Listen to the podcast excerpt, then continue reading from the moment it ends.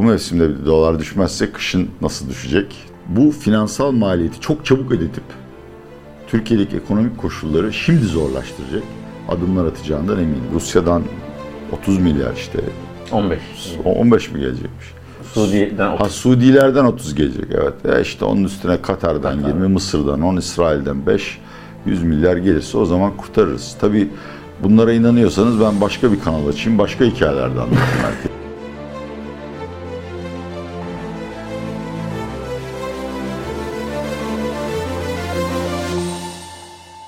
Atiye Bey merhaba, hoş geldiniz. Hoş bulduk. Yeniden insanoğlu denen yaratıklarla birlikte olmak çok güzel. İki hafta tamamen suda geçirip köpek balıkları ve yunuslarla hemhal olduktan sonra kendi cinsime geri döndüm. Teniniz hafif birkaç renk, at, birkaç ton atmış. Evet, işte birkaç basketbol takımından teklif geldi ama kariyerimi değiştirmeyi düşünmüyorum bu noktada. Nasıldı tatil e, genel olarak? Vallahi yani birkaç kişi tanıdı sayenizde çok teşekkür ediyorum. Onlar da yakama yapışıp hayat pahalılığı konusunda şikayet ettiler. Dolayısıyla yani keyifli geçti diyemeyeceğim açıkçası. Ben oradayken mesela Ayvalık tostuna zam geldi. 10 lira zam. Gittiğinizde döndüğünüz farklı mıydı Ayvalık tostu? Evet yani ilk gün yediğimizde sondan bir gün önce yediğimiz arasındaki fiyat farklıydı. Farklı. Gerçekten hayat pahalı e, çok konuşuluyor. Ama size bugün başka bir şey soracağız. Esasında diyeceğiz ki acaba yanılmış olabilir mi Atiye Yaşar'da? Ee, ekonomi sizin ve sizin gibi bazı ekonomistlerin e, çiz- çizdiği kadar e, kötümser değil mi? Onu soracağız. Neden bunu soracağız? CDS'i, dolar kurunu, rezerv artışını hepsi bunları konuşacağız ve diyeceğiz ki acaba Atiye Yaşar'da yanıldı mı? Önce soralım. Yanıldınız mı? Son detaylarına geçelim. Şimdi Papa ve Atilla de yanılmaz yani bu çok bilinen bir şeydir. Aksine yanılmadım. Ee, bu düşüşleri ciddiye almadığım gibi sebeplerinin de bizden kaynaklandığını hiç düşünmüyorum açıkçası. Ee, şimdi şuradan başlayalım. İçeriden başlayalım. CDS'ten başlayalım. CDS düş- düştü. 900'lerin üstündeydi. Hatta 1000 olacak. İşte 1000 olursa ne olacak? 1000'den sonra ne olacak falan deniyordu. Sonra 700'leri civarında. Hatta dün bir ara bir, ara bir 640 645'te gördüm ama 700 civarında seyrediyor. CDS'deki bağlıyorsunuz? Bu konuda yine eski Japon Derecelendirme Kuruluşu Başkanı şimdi özel çalışan Sayın Orhan Ökmen'in çok güzel bir şeyi var, basın duyurusu var. Biz de sitemize koyduk. Global şartlardan kaynaklanıyor. Tabii Merkez Bankası rezervlerinde brüt 10 milyar dolarlık bir artış görüldü zannediyorum. Bunun da bir miktar katkısı olmuştur ama büyük ölçüde konjonktürel. Bir de Türkiye açısından bir sebep düşünmek gerekiyorsa bu e, daha çok emtia fiyatları ve enerji fiyatlarının düşmesinden kaynaklanan bir gelişme olarak yorumlanabilir. Evet, peki dolar kurundaki sakin seyri? Yani dolar kurundaki sakin seyrin sebebi basit yani. Dolar ıhk yaptığında tak diye kafasına vuruyorlar sopayla Merkez Bankası. Ben şahsen işte bugün biz bu e, sohbeti yaparken biraz sonra Merkez Bankası geçen haftanın istatistiklerini yayınlayacak. Ben yine kurumsalların döviz aldığını, bireysellerin de alım satımlarında ciddi bir değişiklik olduğunu düşünmüyorum. Aslında sorulması gereken şu. Yani Ağustos'un ortasındayız. Turizmden akıl almaz boyutlarda para girmesi lazım. Niye dolar bu kadar yüksek diye sorulması lazım. Ama tabii yani insanlar sürekli çıkmasına alıştığı için tersini soruyorlar. Bence e, dolarda kritik dönem hiçbir şekilde geçmedi. Birkaç noktaya değinmekte fayda var. Bir dediğim gibi yani bu mevsimde bir dolar düşmezse kışın nasıl düşecek turistler gittiğinde. İki, bu ödemeler dengesi, cari denge kapsamında çok konuşulmayan bir nokta. Avrupa'nın krizi Türkiye'nin krizi olacak. Yani ihracat düştüğü gibi Avrupa'ya doğalgaz kesildiği anda spot e, doğalgaz fiyatları da 2-3 misline çıkacağı için Türkiye çok acı bir fatura ödeyecek. Üçüncüsü bunu daha önce de konuşmuştuk ama e, yavaş yavaş artık bütün basın kavradı. İşte dünyada en son bu konuda çok kapsamlı, çok beğendiğim bir değerlendirme çıktı. Eylül'den itibaren dış borç ödemeleri var ve zannederim şimdi ismini vermeyeyim. E, iki bankada bunların tahvil kısmını yani uzun vadeli kısmını e, yeniden borçlanmayıp geri iade edeceğini yani ödeyeceğini söyledi. Bütün bu unsurları bir araya getirdiğimizde içeride bireysellerden hiç talep olmasa dahi e, dövizde oldukça bir karanlık manzara çıkıyor karşımıza. Hatta bu noktada sorulması gereken yani sen yanıldın mı yerine kışın bir döviz krizini ya da döviz şokunu atlatabilir miyiz? Valla bayağı zor. Yani bu Rusya'dan 30 milyar işte 15. 15 mi gelecekmiş? Suudi'den Ha Suudilerden 30 gelecek evet. E işte onun üstüne Katar'dan 20, Mısır'dan 10, İsrail'den 5, 100 milyar gelirse o zaman kurtarırız. Tabii bunlara inanıyorsanız ben başka bir kanal açayım, başka hikayelerden anlatayım herkese. Ekonomi dışı hikaye yani anlatacaksın. Pazarlayacağım. Bitcoin, Atilla Eşlad'ın bitcoinlerini, NFG, non-fungible coinlerini pazarlayacağım. E, e, peki şimdi o zaman madem açtınız e, yurt dışından Rusya'dan gelen Akkuyu üzerinden gelen bir para var. Şimdi o konuda biliyorsunuz e, Rusya uygulanan kısıtlama yaptığında da var. E, Türkiye o konuda uyarı da var ABD'den. O işin o tarafını nasıl görüyorsunuz? Türkiye e, dediğiniz gibi bir süredir zaten e, belirttiğiniz gibi döviz ihtiyacını karşılamak için farklı yollara mı girdi? Bu akıllara işte Erdal Sarran bizim yayınımızda da söyledi. Mezar Zarrap'ı söyledi. Bu Yani- arada pardon yani Erdal Sağlam'ın bu kadar düşük trafik aldığına inanmıyorum. Kendisi hürriyet günlerinden beri Ankara'yı özellikle ekonomik risklerini en iyi takip eden, en iyi takip eden gözlemcidir. Bence 200-300 bin trafik hak ediyor. Çok samimi söylüyorum. Evet. Hiçbirini kaçırmıyorum. Evet, gerçekten çok güzel bilgiler veriyor. O da o söyledi kendi yayınında. E, ABD uyardı. Herhangi bir şey gelebilir. Yani vazgeçsin, vazgeçmemiz için. Yani gittiğimiz yolu görüyorlar. O yüzden uyarıyorlar dedi. Aynı şey yaşayabiliriz dedi. Siz öyle bir risk görüyor musunuz? Ve Türkiye gerçekten e, döviz ihtiyacını karşılamak için artık her şey deniyor mu? Ee, evet, her şey deniyor. Çünkü e, yani bütün anketlerin gösterdiği e, AKP'nin e, AKP MHP e, ittifakı ve Erdoğan'ın açık farklı kaybedeceği ekonomiyi toparlamaları lazım. Başka hiçbir şey değil. Türkiye'nin umurunda değil yani. Suriye'ye de girsen, Ermenistan'a da girsen kimse oy vermeyecek Erdoğan'a. E bunu da tabii meşru veyahut da doğru yollardan yapamayacakları için işte hokkabazlık dediğim e, dışarıdan para dilenme dönemi başladı. Şimdi bir gün Ekşi Sözlük beni çağırmıştı. E, işte soru cevap e, Ekşi Sözlük katılımcılarından. Çok güzel bir soruyla karşılaştım. Atilla abi çok zengin olmak istiyorum ne yapmalıyım? Ben de şu soruyu sordum. Ahlaki değerlerinden ne kadar taviz vermeye hazırsın? Burada da aynı soru gündeme geliyor. E, Rusya'nın e, yaptırımları delme konusunda Türkiye akıl almaz ihtiyacı var. Burada anlaşılmayan nokta şu. Mal satmak için değil. Rusya teknoloji alamıyor artık ve bütün teknoloji ürünü olarak kabul ettiğimiz işte gemilerinden e, Ukrayna'da kullandığı e, güdümlü silahlara kadar hepsinde Amerikan teknolojisi, çipleri, yazılımları var. Bunları en kolay Türkiye üzerinden tedarik edilir. Dolayısıyla Rusya eminim bir takım pazarlıklar yapmaya hazırdır. Ama tabii e, bunun karşılığında e, Türkiye'den istenen şeylerin maliyetini ödeyebilir miyiz? Ödeyemeyiz. Yani o para gelir. Diyelim ki 15-20-15 milyar dolar daha geldi. Dolar düşer. Arkasından yine 2018'de Rahip Brunson krizinde olduğu gibi Amerika'dan yaptırma da gerek yok Açıklama. zaten. Bir açıklama gelir. Türkçe'ye çevrilir ve oyun biter. O yetmezse arkasından işte bunu Merkel, Deniz Yücel'in, Die Welt muhabiri Deniz Yücel'in e, serbest bırakılmaması üzerine bankaları toplar der ki ya kredi vermeyin bir süre. Biz sevmiyor. Yani şu anda Türkiye ile iyi değiliz. Hani uğraşmayın. Ben sizin yerinizde olsam öyle bir şey yaparsan Türkiye'yi bitirirsin zaten. Dolayısıyla oradan bir geleceğini zannetmiyorum para. E, iki gelse de Türkiye'ye verim olmaz. Eyvallah. Peki şu, şu nokta şöyle bir mühendislik yapılsa sizce tutar mı? Sonuçta bunların hepsi yani bir günde olmuyor. İşte Türkiye işte Rusya'ya bir iş, iş şey yapıyor. E, süreç yönetiyor. İşte yurt dışına baskı geliyor falan yapmıştım dediğiniz süreçler yaşanıyor. Tam o sırada bir seçim yapılsa yani paranın geldiği ama yaptığının gelmediği yani veya kısıtlama, zorlaştırma gelmediği arada bir seçim yapılsa ne olur? Valla bugün de yapsan 9 ay sonra da yapsan Erdoğan'la AKP MHP kaybedecek.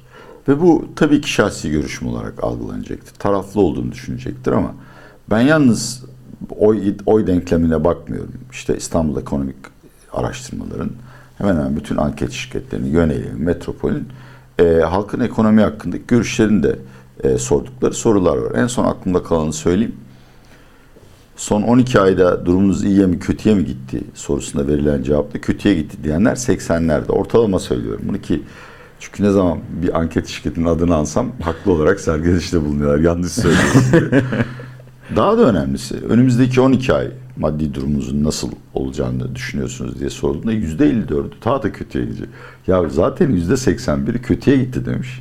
%54 daha da kötüye gidecek diyor. Olmaz. Şimdi bak yine hani bana bazen görevler veriyor da sen başbakan ya da maliye bakanı olsan öyle bir şey yapalım. 50 milyar dolar geldi ve bu yine bir yanlış anlamayı çözeyim. Bu Merkez Bankası'na rezerv olarak emanet edilmedi. Sayın Erdoğan hazinesine verildi al istediğin gibi harca. Yeter ki seçimi kazan denildi. Kazanabilir mi? Çok zor. Kazanamaz demiyorum ama çok zor. Neden? Çünkü o 50 milyarı seçmen harcayacaksın. Seçmen önce çok memnun olur. Enflasyon 200'e çıkar. Arkasından da cari açıklar karşılanmaz hale gelir. Dolar yeniden değer kazanmaya çalışır. Yani artık bence bu çıkmaz sokağın en dibinde bir yerde yere çökmüş durumdayız. Dolayısıyla hiçbir şekilde bu dışarıdan gelecek paralarla filan seçim ya bugün de kazanılamaz. Sonbaharda da kazanılamaz. Gelecek sene hiç kazanılamaz. ABD enflasyon açıklandı biliyorsunuz. Ee, Bugün de Chicago Fed Başkanı dedi ki durgunluk beklemiyorum. İkinci yarıda ekonomi büyüyebilir dedi. Enflasyon düştü. Daha gerçi bir ay yaz dönemi beklemek lazım ama sonuçta e, bir düşüş ilk defa düştü uzun zaman sonra. Ee, Şayet ABD'de ve Avrupa'da işler beklenen daha hızlı toparlanırsa e, bu bizim için bir fırsat olur mu? Bir toparlanmaz, iki olmaz. Bir niye toparlanmaz? Bu anlaşılmayan bir nokta var. Ve şimdi benim şahsi tahminim de değil, IMF'nin tahminleri. Dünya bir durgunluk dönemine girdi. Bunu illaki resesyon, büyüme gibi bipolar şekilde tarif etmemiz gerekmez. İşte Amerikan ekonomisinin yıllık büyüme kapasitesi 2-2,5 civarında. Bu 1'e düştüğü anda kötüye gidiyordur işte. Böyle bir şey olacak. Dolayısıyla ben o resesyona girdik girmedik tartışmasını biraz suni buluyorum. Ve bunu bütün dünya yaşamak zorunda kalacak. Yani iki örnek vereyim. Ee, öyle bir çıkmazdayız ki ha, şu anda enflasyonun düşmesi büyük ölçüde işte gıda ve enerji fiyatlarının normale dönmesinden kaynaklanıyor. Enerjide yani özellikle hani ambargoları bir, kara, bir kenara bırakalım. Petrolde çok ciddi bir arz sıkıntısı olduğunu kimseye anlatamıyor. Yok artık yok. Petrol yok. Yani neden? Çünkü büyük enerji devleri yeşile dönüyoruz diye yatırım yapmamışlar. E, gıdada da aynı şey. Tamam Ukrayna tahıl koridoru açıldı. Yine Sayın Erdoğan'a teşekkürlerimi sunuyorum. Kardeşim gelen miktarları geçen seneyle karşılaştır. Devede kulak. İkincisi asıl önemli olan Ukrayna eldeki hasatı satıyor. Şimdi ekecek ama ne gübresi var? Bütün tarım dağıtım merkezleri Rusya Hava Kuvvetleri tarafından imha edildi. Gelecek sene ne olacak? Üçüncüsü yine Bloomberg'den okuyorum.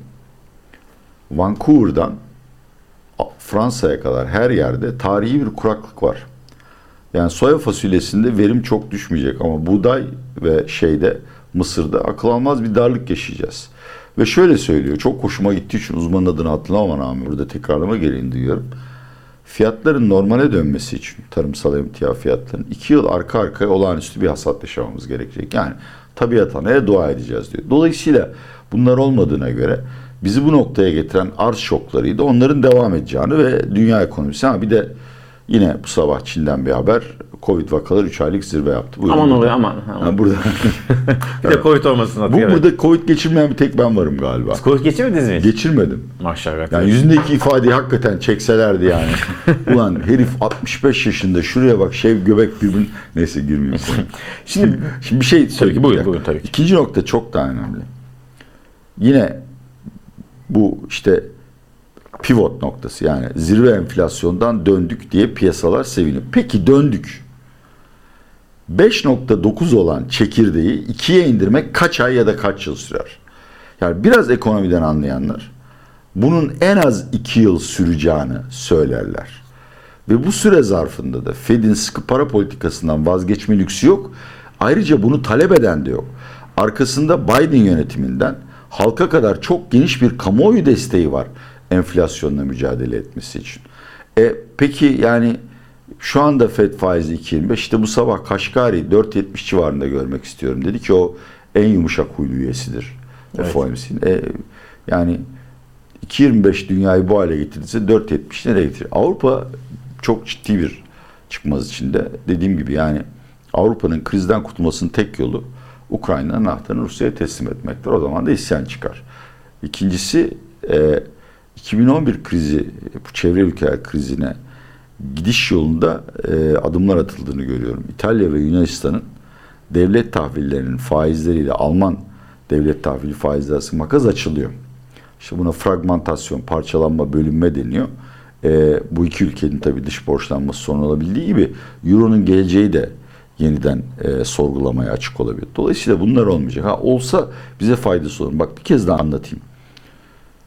Türkiye'nin sorunları dışsal gelişmelerden kaynaklanmıyor ki ya da yüzde yirmi kaynaklanıyor. Türkiye'nin sorunları enflasyon 80 iken yüzde on dört politika faizinin doğru olduğunu düşünen mentaliteden kaynaklanıyor. Enflasyonu baskılamak için işte Nuh makarnaya yok. Şuraya. Onun başka sebepleri de olabilir ama girmeyelim. Kazı kaşımayalım. Bugün. Evet, doğru. Bugün basit basit gidelim. Basit giderim. Ee, bundan kaynaklanıyor.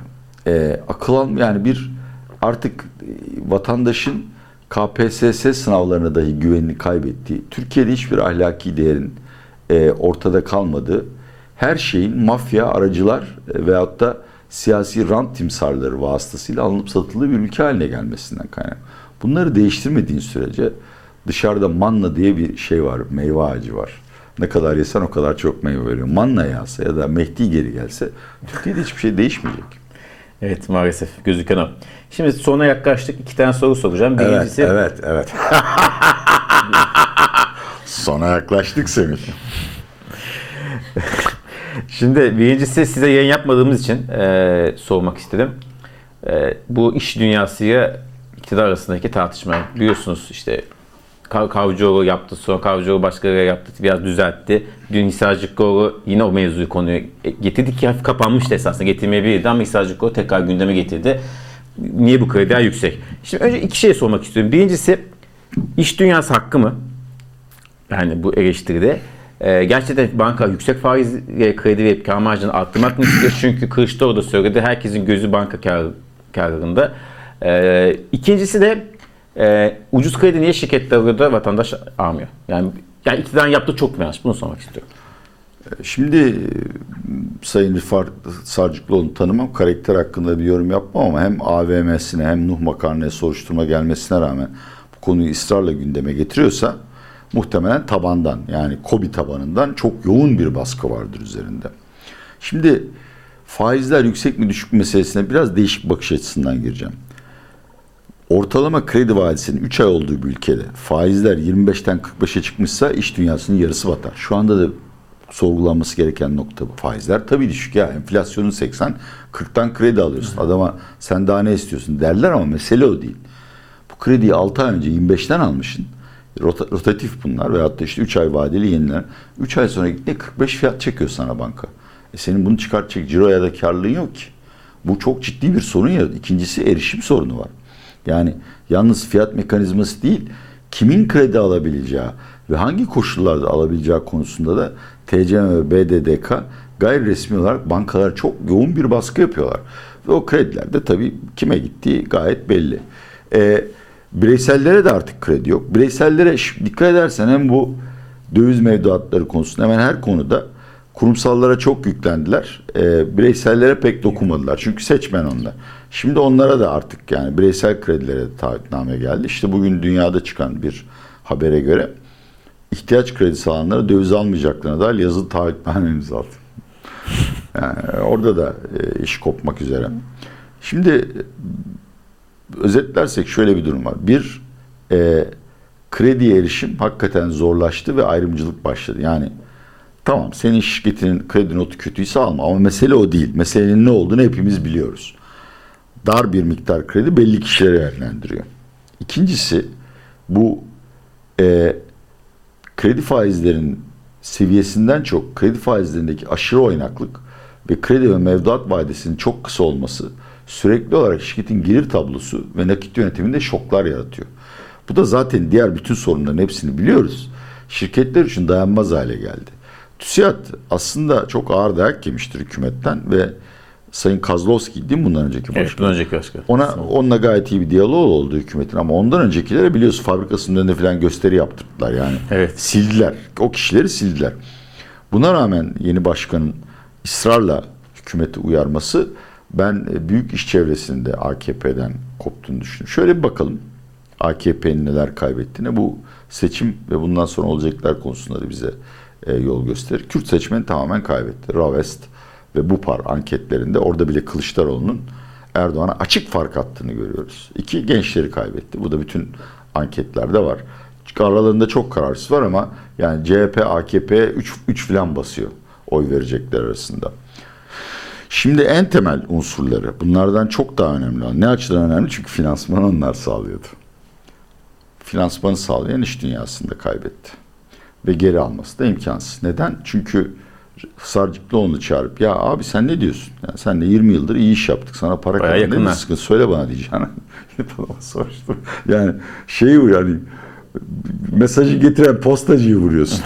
E, anlayış bu şekilde oldukça ha, ne olacak? İş dünyası tabii yani açıkça isyan etmeyecek de ben çok açık biliyorum. İşte isimlerini de verip çeşitli muhalefet partilerine el altından bavullarla para verilip ve seçim desteği sağlanacak. Güle güle. Evet. evet. Son olarak bunu zaten konuşacağız da seçim döneminde. Ee, cari ödemeler dengesi açıklandı bugün. Aa, aa çıkalım pardon ben Ee, yoldayım. siz bilmiyordunuz evet. E, yoldaydınız. Şimdi bazı rakamlar vereyim. Sanki evde olsam ayık olup da okuyacağım. pardon bunu silin bunu silin ya. Bunu ama gerçekten. Yok Şaka silme yapıyorum. Silmeyiz zaten. Pardon. Sizi şey yaptım. Silerseniz bırakırım vallahi. Sözleşme yazık. Şimdi şu. e, 2021 yılının ilk yarısında 13.4 e, milyar dolar cari açık vermiş Türkiye. 2022'nin aynı döneminde 32.4. Ha. E, bu 32.4'ün de 17.5 milyarı kaynağı belirsiz net hata noksandan finanse edilmiş. 13 nokta- 12.3 milyar doları da rezerveden finanse edilmiş. Şimdi burada iki şey soracağım. Birincisi e, bizim bundan iki önceki e, ekonomi bakanımız Berat Albayrak'la başlayan son ara dönemi saymıyorum. Nebati'ye devam eden e, cari fazla verme dönemi. Türkiye'nin ekonomik modelini değiştiriyoruz. Dışa bağımlılığımızı azaltıyoruz. Hatta e, rekabetçi kur dendi. Sonra cari fazla vereceğiz dendi. Böyle bir hayal satıldı. Hatta e, ne, a- gözlerimizi kapatacağız 6 ay sonra farklı bir şey olacak falan dendi. Kapattık ve açtık. Cari açık iki katına çıkmış yaklaşık. Ne diyorsunuz? Neden oldu bu? Önce bir noktayı hatırlatayım. Geçen sene %11 büyürken 17 milyar ürettik. Bu sene büyüme 4. Çok da. Devam edelim. Ya neden oluyor yani? Sebebi son derece basit. Ee, yerleşmeyi bir kenara bırak. Yerli üretim tamamen terk edip ithalata dönüyoruz. Çünkü Türkiye'de üretim yapmak artık dünyanın en zahmetli şey haline geldi. Türkiye'de cari açıkları çözemezsiniz. Türkiye'de cari açık sorununu çözmenin yolu Karadeniz'de petrol bulmak veya doğal gaz bulmak değil, iş gücü verimliliğini arttırmaktır. Kimse anlamayacağı için burada bırakıyorum. Şimdi ama yani hani cari fazla üretmek istiyorsa ben yine Sayın Nebati'ye buradan bir asist patlatayım. Kredi faizlerini çeksin yüzde seksene ve almak isteyenden e, şeyinin onun doğumuna yardımcı olan bayanın çeyizini istesin. Ekonomiyi derin bir resesyona soksun. Bak nasıl cari fazla veririz. Şimdi tabii yani bu rakamlar çok şey. Benim revizyonları da görmem lazım. Kendim bu konuda araştır, hiç bu konuda araştırma yapmıyorum zaten. Ee, bu konu bunun üzerine yani önümüzdeki 12 aydaki beklentiler de revize edilecektir. Ve orada da denkli bir kısaca anlatıp kapatacağım. Yani bizim bu verinin açıklanmasından önceki hesabımız işte Haziran'dan önümüzdeki Haziran 40 milyar dolar civarında bir cari açık verecektik. Bunun üzerine belki bir 10 milyar dolar kadar da e, geri ödenen dış borcun şeyi finansmanı çıkacaktı. Yani merkezin en az 50 milyar harcanabilir rezervi vardı. Benim elimde yani bugünkü veriler açıklanmadan 40 milyar var. Zaten orada oyun kopuyor. İkincisi bu şey çok ilginç. 17 milyar. E, bu hani diyor ya Sayın Kavcıoğlu 500 milyar doları var Türklerin yurt dışında diye. İşte o paranın bir kısmı bu şekilde geri getiriliyor. Yani şirket buradan kredi alamadığında e, veyahut da kredi koşulları çok kötü olduğunda bir ihtiyacı olduğunda patronun yurt dışındaki parası yabancı bankalar vasıtasıyla Türkiye'ye sok. Bir de şey var yani e, artık eskiden Türkiye'de çok ciddi eroin parası vardı. Hatta Almanya'da mahkemeler açılmıştı bu konuda. Şimdi çok ciddi kokain parası var. Onun da bir payı var. Neyse. Şimdi o paranın yalnız şöyle kötü bir şey var. Patron şirket zor durumda olduğunda hangi koşullarda yurt dışındaki parasını getirir? Kurtarma umudu olduğunda. E, finansmanın o kısmı bu umut devam ettikçe olur. Ama yazın ekonomik koş, kışın ekonomik koşullar daha da kötüleşir. Veya patron Erdoğan'ın seçim kazanmak için kimsenin kar etmesine müsaade etmeyeceği anlayışına varırsa o paralar döner. Ve nitekim net hata da böyle ani geri dönüşleri. Aralıkta geçen sene 3 milyar çıktı Evet, galiba öyle evet, bir şey. evet. Dolayısıyla güvenilir değil. Özetle söylemek gerekirse bir, öngörülebilir cari açığı finanse edecek kadar döviz birikimi Merkez Bankası'nın kasasında yok. İkincisi merkezin finanse etmediği cari açın finansmanı da tamamen sendikasyon kredileri, çok kısa vadeli krediler ve e, işte net hata noksan veya ben ona yurt dışındaki Türk şirketlerinin e, paralarını geri getirmesi istiyorum ki çok güvenilmez bir kaynağı kalmış durumda. Bu sonucu da şudur. Ekonomik bir şok olabilir ama ben daha çok psikolojik veya şey şok olacağını düşünüyorum. Siyasi bir şok olacağını düşünüyorum. Beklentiler aniden bozulduğunda e, Türkiye'de kalan son paranın da çıktığını ve aylarda söylediğimiz gibi sermaye kontrolleri geleceğini düşünüyorum. Bu şok ne olabilir e, diye baktığımızda mesela şu anda değil ama Kılıçdaroğlu'nun KKM'lerde işte evet. kur farkını ödemeyeceğim demesi Mart'tan itibaren çok ciddi çözülmeye sebebiyet verir. Kim tutar ki? Yani Erdoğan 20 puanında olsaydı belki Kılıçdaroğlu'nu boş verirdin ama başa baş da gitseler millet parasını yarısını yani, çözecek. Esasında süremiz doğdu ama o açıklamayı nasıl buluyorsunuz? Ona eleştirenler de var. Vatandaşı zor durumda bak hani siyasi bir hamle e, sebebini söylediğiniz esasında yani mantığını. Ama e, devletin devamlı açısından nasıl görüyorsunuz? devletin devamlı açısından Rusya ile gayrimeşru pazarlık yapmayı ne kadar bir şey görüyorsam, olumlu görüyorsam bunda bu bir satranca döndü. Yani maalesef hani mesela şey de çok açıkçası beğenmiyorum işte ilk alanlara ÖTV koyulmayacak evet, ya. Araba. Niye? Onların ne özelliği var? O başka konular ama yani aşkta ve savaşta ve seçimlerde şey yoktur, kural yok. Evet. Konuşalım. Burada Erdoğan'ın temel stratejisini finansal açıdan şöyle özetlersek e, ben bir sürü finansal taahhüde girip e, seçmen moralini düzeltici adımlar atayım ama bunların maliyetini seçimlerden yani, sonra tamam. ödeyeyim. Kılıçdaroğlu da diyor ki ben o maliyeti üstlenmeyeceğim. Sana şimdi bunları ödeteceğim ki seçimi kazanma. Dolayısıyla finansal satranç. Bunun arkasından çok daha başka hamleler geleceğini de düşünüyorum. İşte Kılıçdaroğlu'nun ben evimdeki elektrik faturasını ödemiyorum e, şeyinden başlayan boykot girişimleri var. Ve ben bunların seçim yaklaştıkça e, ve anketlerde de aslında bu söylediğinin arkasında durabilecek kadar oy var. E, bu finansal maliyeti çok çabuk ödetip Türkiye'deki ekonomik koşulları şimdi zorlaştıracak adımlar atacağından eminim. Erdoğan'ın buna karşı çok fazla bir hamlesi olduğunu zannetmiyorum. Esasen doğru bir strateji. Ee, yani ahlaki değil. Da. Değil. Ama şey. Siyaseten. Evet. Son olarak Güzel Baba'ya kapatalım. Ee, Bakan Dönmez Anadolu Ajansı'nda konuşmuş. Dünyaya 500, 500 yıl yetecek bol rezervine sahibiz demiş. Herhalde evet. tüm sorunlar bitti burada.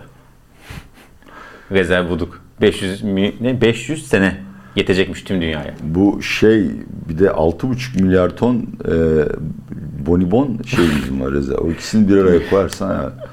ya bu şimdi tamam yani bunun yanında başka bir açıklama da 2023'ün ilk çeyreğinde karşı Karadeniz gazını kıyıya getireceğiz. Ya abi adam çocuğuna ayakkabı alamıyor, evine et götüremiyor. Sen bana 6 ay sonra gelecek şeyden bahsediyorsun. Yapmayın yani. Herhalde Sayın Erdoğan'a yaranmak için yapıyorlar ama şeyi takip edin. Şimdi AKP tam tekmil, tam teşekküllü olarak sahaya indi. Bakalım köylerden, kasabalardan ne cevap alıp geri gelecekler. Belki ondan sonra bu aptalca işleri iyiye gidiyormuş gibi gösterme çabasından vazgeçilir. Çok teşekkür ederiz Atilla Bey. E, tatil dönüşü güzel, esmer tenizli. Böyle yani cerhat akıtır gibi fışkırır. Fışkırdı ve bitirdi. Artık haftaya tekrar görüşürüz. G kanalında o da akıtırız artık. Görüşmek üzere. Çok teşekkürler.